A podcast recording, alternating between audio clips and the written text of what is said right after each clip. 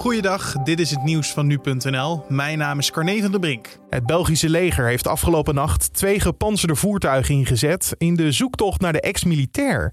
Aan de grens met Nederland wordt al dagen naar de extremistische man gezocht. Hij zou een aanslag willen plegen en hij bedreigde een Belgische viroloog. Zijn auto werd gisteren al aangetroffen in de omgeving, samen met vier raketwerpers die hij uit een kazerne had meegenomen. Nieuw onderzoek zou bewijzen dat journalist Martin Bashir loog tegen prinses Diana voor een interview.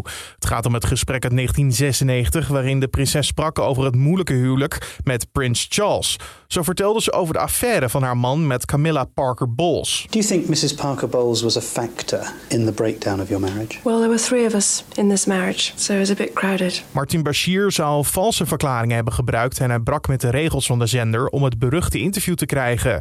Dat concludeert het rapport dat de BBC vandaag mogelijk gaat publiceren.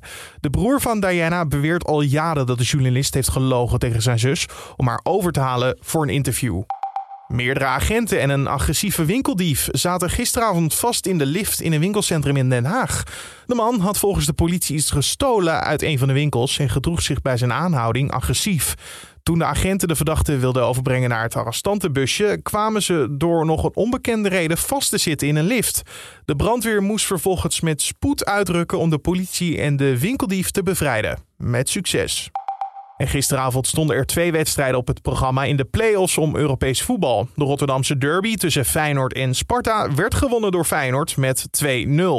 Coach Dick Advocaat was tevreden. Dat zei hij bij ESPN. Tevreden met eh, de manier waarop we speelden de eerste helft. Ik denk dat we heel goed voetbal speelden. Mooie goals. De tweede helft was wel wat minder, maar je kon, je kon niet 90 minuten zo goed spelen. FC Utrecht won verder van FC Groningen met 1-0. Daardoor is zaterdag de finale Feyenoord-FC Utrecht. Waar die wedstrijd gespeeld gaat worden is nog niet duidelijk. Het mag in ieder geval niet in Rotterdam vanwege de finale van het Songfestival.